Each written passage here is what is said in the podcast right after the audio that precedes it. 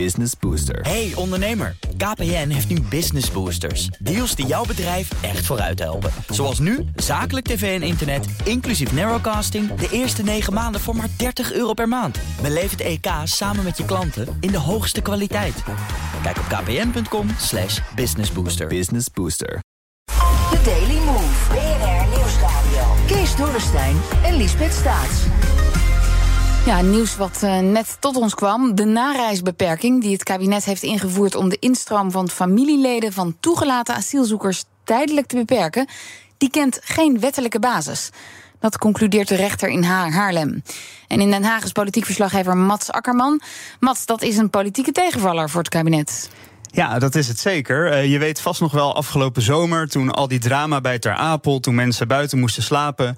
Toen nam het kabinet een aantal maatregelen om de instroom van uh, asielzoekers te beperken. En een van die dingen was dat er tot en met 2033, 2023 een tijdelijk verbod op gezinshereniging kwam. Ja. Uh, en daarmee bedoeld werd dat mensen die nog geen huisvesting hadden, dat die daarvoor in eerste instantie dan niet in aanmerking kwamen, of pas na 15 maanden. Nou, daar zet de rechter nu dus een streep door. Het ging hier om een Syrische vrouw in Nederland met haar partner en zes kinderen die wilde nareizen. En de rechter oordeelt nu dat het belang van die kinderen en die partner dat dat groter is uh, dan ja, wat Van de Burg dus eigenlijk wil. En dat is vooral een tegenvaller voor de VVD en Mark Rutte. Want die heeft twee weken geleden op het partijcongres van de VVD nog gezegd dat hij die instroom nog wil ja. beperken. Maar goed, daar kan dus een streep doorheen. Maar het was al omstreden hè, toen het plan gelanceerd werd. Ja, eigenlijk toen het plan naar buiten kwam, waren er meteen al veel juristen die zeiden: dit kan helemaal niet. Er is helemaal geen wettelijke basis voor. En die juristen hebben nu dus eigenlijk gewoon gelijk gekregen. Nou, we hadden al afgesproken voor dit gesprek met D66-fractievoorzitter Jan Paternotte. Um, dus die is ook in Den Haag. Welkom. Wat is uw reactie op dit nieuws? Ja, ik zag het inderdaad net uh, toen ik ongeveer naar de studio uh, toe liep. Uh, ik denk dat het in eerste plaats natuurlijk goed nieuws is voor deze vrouw die deze procedure had aangespannen. omdat zij, waarschijnlijk betekent dat zij snel herenigd kan worden met haar familie. het is een voorlopige voorziening. Dus dat betekent dat de rechter nog een definitieve uitspraak moet gaan doen over wat dit nu voor het vervolg betekent. En of Nederland inderdaad definitief deze maatregel ten aanzien van gezinshereniging niet mag nemen. Dus ja, ik denk dat we dat ook moeten afwachten. Maar dat het natuurlijk helder is dat je moet houden aan de uitspraken van de rechter. Ja, en wat betekent dit voor de VVD, denkt u? Ja, dat, dat, is, nou ja, dat is niet. Ik ben geen woordvoerder van de VVD. Als ik me nee. zodanig zou opstellen, zouden ze dat denk ik niet waarderen. Dus uh, dat, dat doe ik ook niet. Maar uw partij is wel een coalitiegenoot? Uh, zeker. Ja. Oké, nou goed dat u er bent, want we hadden afgesproken, want we zouden gaan praten over arbeidsmigratie. Dat is natuurlijk een uh, onderwerp wat hier zeer aan gelinkt is. U deed een opvallend betoog in het uh, FD dit weekend. Laten we niet praten over minder, maar juist meer arbeidsmigratie, want Nederland heeft dat gewoon nodig. Dat is nodig om de Nederlandse kenniseconomie draaiende te houden. En zo waarschuwt u, uh, ja, als we dat niet doen, dan gaan we de Brexit achterna. Of althans het pad dat de Brexit voordeed. De vraag is of andere partijen ook warm te maken zijn voor meer arbeidsmigratie. Want die dringen juist aan op het verlagen van de migratie-instroom.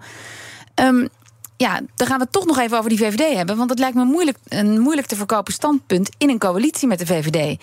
Want twee weken geleden, Matt zei het al, zei met premier Rutte nog dit op het VVD-congres. Nogmaals, die asielstroom die moet substantieel terug. Anders kunnen we zo niet verder als land. En dat geeft nogmaals ook een groot probleem voor het draagvlak. En ja, je mag alles van mij analyseren, de volle breedte. Dat zal ook moeten.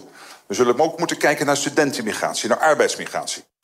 Ja, meneer Paternotte, hoe gaat u hem overtuigen dat we juist meer migranten nodig hebben, arbeidsmigranten? Ja, wat ik vooral wilde doen is echt een waarschuwing. Omdat ik het idee heb dat het migratiedebat uh, ja, kan ontsporen. Omdat je nu inderdaad ziet dat uh, sommige, nou ja, de een na de ander een uitspraak doet... die ik op zichzelf natuurlijk best wel snap. Maar we hebben twee hele grote buurlanden, eh, zou je kunnen zeggen, als je er Noordzee mee pakt, Engeland en Duitsland. Die hebben totaal verschillende aanpak. Maar daar kunnen we echt heel veel van leren. En wat ze in Engeland hebben gedaan, dat lijkt eigenlijk best wel op wat je nu sommigen hoort zeggen. Namelijk, we moeten veel meer controle en we moeten arbeidsmigratie inperken. Er moeten mensen uh, weg. Terwijl tegelijkertijd ze daar eigenlijk ook al zagen dat ze enorme tekorten zouden gaan krijgen. Dus in Engeland ja, zie je nu dat er overal in de economie tekorten zijn. Dat de gemiddelde Sloveen volgend jaar beter af is dan de gemiddelde Brit. De armoede daar flink stijgt. Dat ze in de zorg heel lange wachtlijsten aan het krijgen zijn.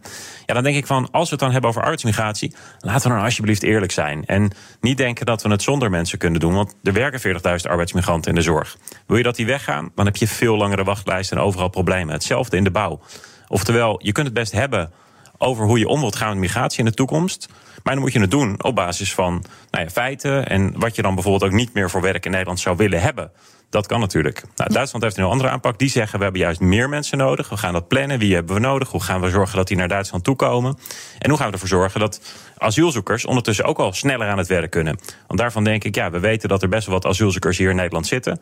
Laat ze nou alvast aan het werk gaan. Dan heb je ook minder arbeidsmigratie nodig. Ja, en dit verhaal, heeft u dat ook uh, aan Mark Rutte verteld?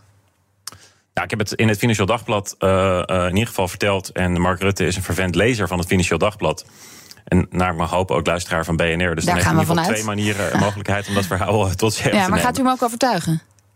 Ik ga mijn best doen. En uh, kijk, ik denk ook dat het nodig is dat we in Nederland echt heel nuchter gaan kijken naar migratie. En dus ja, ons niet verliezen in uh, uitspraken over bijvoorbeeld überhaupt geen buitenlandse studenten meer hier naartoe. Ja. Ik was bijvoorbeeld vrijdag in Eindhoven, waar uh, nou, ons snelst groeiende bedrijf van het land, ASML, zit, maar heel veel andere slimme bedrijven, ook van Philips tot uh, andere brainport-ondernemingen. Ja, die hebben die studenten juist nodig. De meeste blijven namelijk in Eindhoven. En heel veel technici ja, die ze daar nodig hebben, die leiden we niet allemaal zelf op in Nederland. Omdat, we er, omdat dat bedrijf zo ongelooflijk hard groeit. Ja, nou, straks duiken we nog even verder in op de details. Mats, eerst naar jou. Hoe wordt hier verder binnen de coalitie naar gekeken?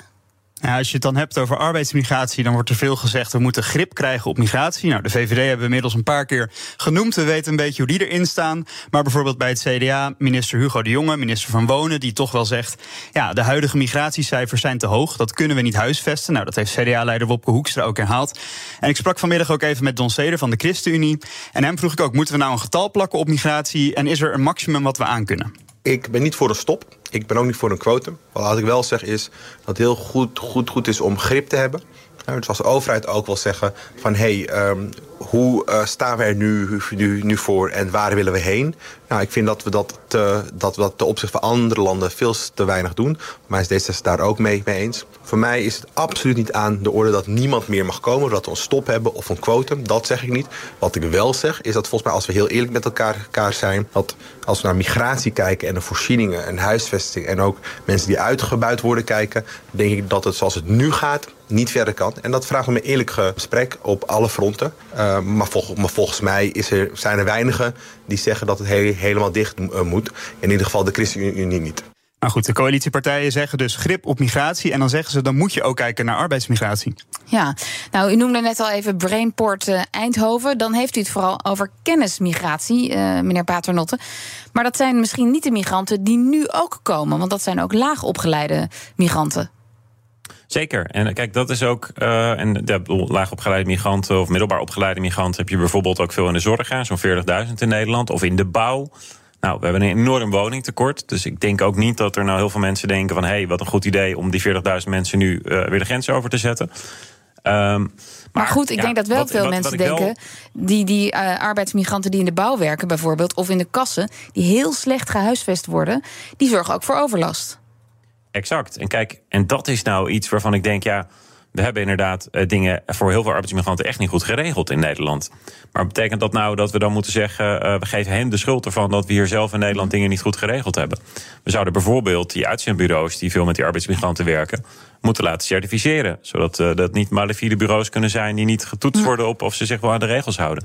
Dat situaties waarin een werkgever iemand op straat kan zetten en dan ook meteen zijn huis uit kan zetten, omdat die twee dingen aan elkaar verbonden zijn. Dat moet je ook niet willen in Nederland. Nee. Dat zijn op zich dingen waarvan we al een tijd zeggen: regel dat nou. Wat, waar gewoon veel meer tempo mee moet worden gemaakt. Want ja, de oplossing waarvan bijvoorbeeld de SP mee kwam, we doen een instroomstop. Of de ChristenUnie die zei: je moet eigenlijk het vrij verkeer in Europa, hè, daar moeten we toch eens paal en perk aan gaan stellen. Ja, dat is volgens ons niet de weg. Want dat is ja, de weg die de Britten hebben bewandeld. En wat de Britten nu aan het doen zijn, is dan maar arbeidsmigranten niet uit Europa halen, maar dan veel verder weg, bijvoorbeeld van de Filipijnen. Ja, maar, maar hoe ziet u dat dan voor zich? Komt er dan een selectie aan de poort, de poort van Nederland, voor het type migranten dat we wel willen hebben? Nee, ik denk dat we met elkaar het gesprek moeten voeren over uh, inderdaad, zijn we, ja, hoeveel migratie willen we hebben? Uh, en hoeveel werk willen we dan uh, dat er kan plaatsvinden? Dus geen kappers, dat... wel technische studenten? Nou, ja, wat ons betreft zijn we bijvoorbeeld echt wel de brug over minder intensieve veehouderij. Er werken natuurlijk ook arbeidsmigranten. Uh, dat je dat veel minder doet. Dat is goed voor de stikstofuitstoot, maar dat betekent ook iets voor minder arbeidsmigratie. Mm. Maar hetzelfde geldt voor de vraag over de, de tuinbouw. Of over al die distributiecentra die je steeds meer in Nederland ziet oppoppen. Waar natuurlijk echt heel veel arbeidsmigranten werken. Als je zegt, ik wil minder arbeidsmigratie, wat ik van heel veel kanten hoor dan moet je ook het verhaal erbij vertellen wat je dan vindt dat er minder of niet meer in Nederland moet plaatsvinden. Maar dat hoor ik steeds maar niet. En als je denkt dat je alles Een lange termijnvisie bedoelt u? Precies, maar als je denkt dat je alles hetzelfde kan doen zonder keuzes te maken, ja, dan, uh, dan, dan ben je denk ik uh, pennywise pound foolish, om het maar even op zijn Brits te zeggen. En dan denk ik, ja, laten we nou ook een beetje leren van wat onze grote buur Duitsland doet. Die hebben nu juist een planning gemaakt voor wat ze de komende 10, 20 jaar nodig hebben in de zorg, waar mensen steeds ouder worden en toch die zorg nodig hebben. In de auto-industrie die ze daar overeind willen houden. Dat is strategisch nadenken over migratie. Dat zou Nederland ook moeten doen. Ja, Mat, nu is er dus nieuws. Eh, de, het mag niet. De, de, de instroombeperkende maatregel van het uitstellen van gezinshereniging. Ja, welke knoppen zijn er nog om aan te draaien voor het kabinet? Ja, dan blijft er eigenlijk weinig over. Want je kan natuurlijk kijken naar asiel, naar de vluchtelingen. Maar goed, dat zijn mensen die uit oorlogsgebieden komen. Die wil je toch wel ontvangen hier, de meeste partijen. Gezinshereniging, daar is nu dus een streep door. En wat blijft er dan over? Ja, dan blijf je met die arbeidsmigratie. Of meneer Paternotte noemde ze al even, de internationale studenten. Waar de universiteit eh, van overlopen de laatste tijd. Ja, en ja, die internationale studenten, die hebben we juist nodig, zei u net, meneer Paternotte. Kijk, daar moet je natuurlijk wel uh, inderdaad goed naar kijken. Want er zijn inderdaad ook wel echt veel plekken waar er zoveel studenten komen.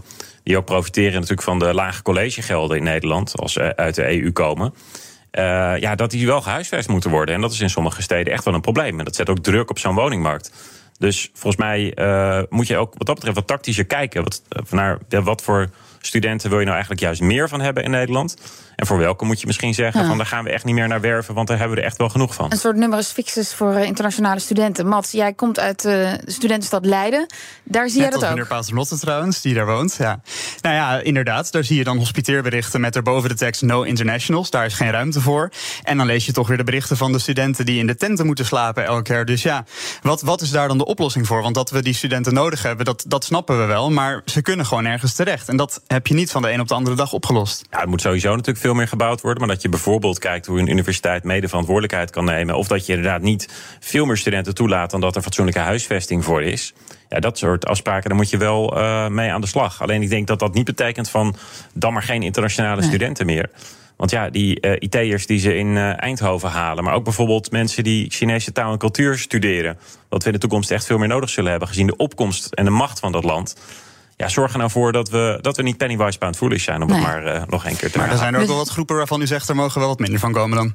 Ja, het is gewoon een feit dat Nederland ongelooflijk populair is geworden na die brexit. Want we hebben goed onderwijs, uh, collegegeld is laag... en er zijn heel veel studies die deels in het Engels zijn. Dus ja, heel Europa wil hier studeren. Ja. Nou, hartstikke mooi, snap ik ook. Maar we moeten het hierbij laten. laten zien dat we, dat we op zich aan die studenten nog steeds meer geld verdienen... dan dat we eraan kwijt zijn.